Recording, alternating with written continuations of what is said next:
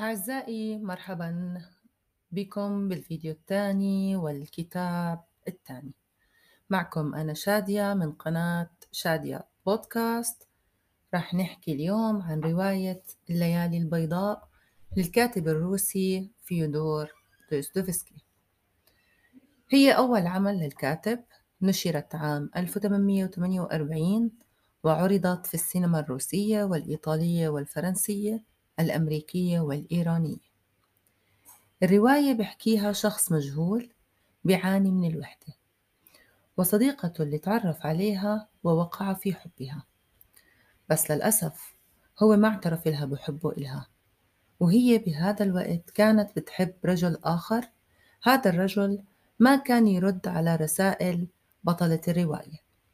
وسبب الصداقة اللي صار بين راوي الرواية وبطلها وصديقته هو هروبهم من اليأس. الراوي بهرب من وحدته وهي بتهرب من علاقة فاترة مع حبيبها. تطلب ناستنكا وهي بطلة الرواية من الراوي إنه يكتب رسالة لحبيبها وهي ما كانت تعرف إنه الراوي نفسه بحبها كتير. وحكت له يكتب جملة أنا أحبك لأنك لم تقع في حبي. ولأنه الراوي بحبها بلش يحس بالغربة حتى بوجودها.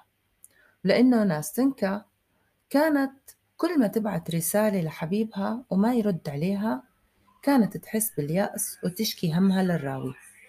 وفجأة الراوي بقرر يعترف لها بحبه الكبير إلها اللي خلاها تحس بالارتباك. وصار الراوي يحس إنه بعد هالمصارحة ما رح يشوفها مرة تانية. ولا بزبط يضلوا أصدقاء.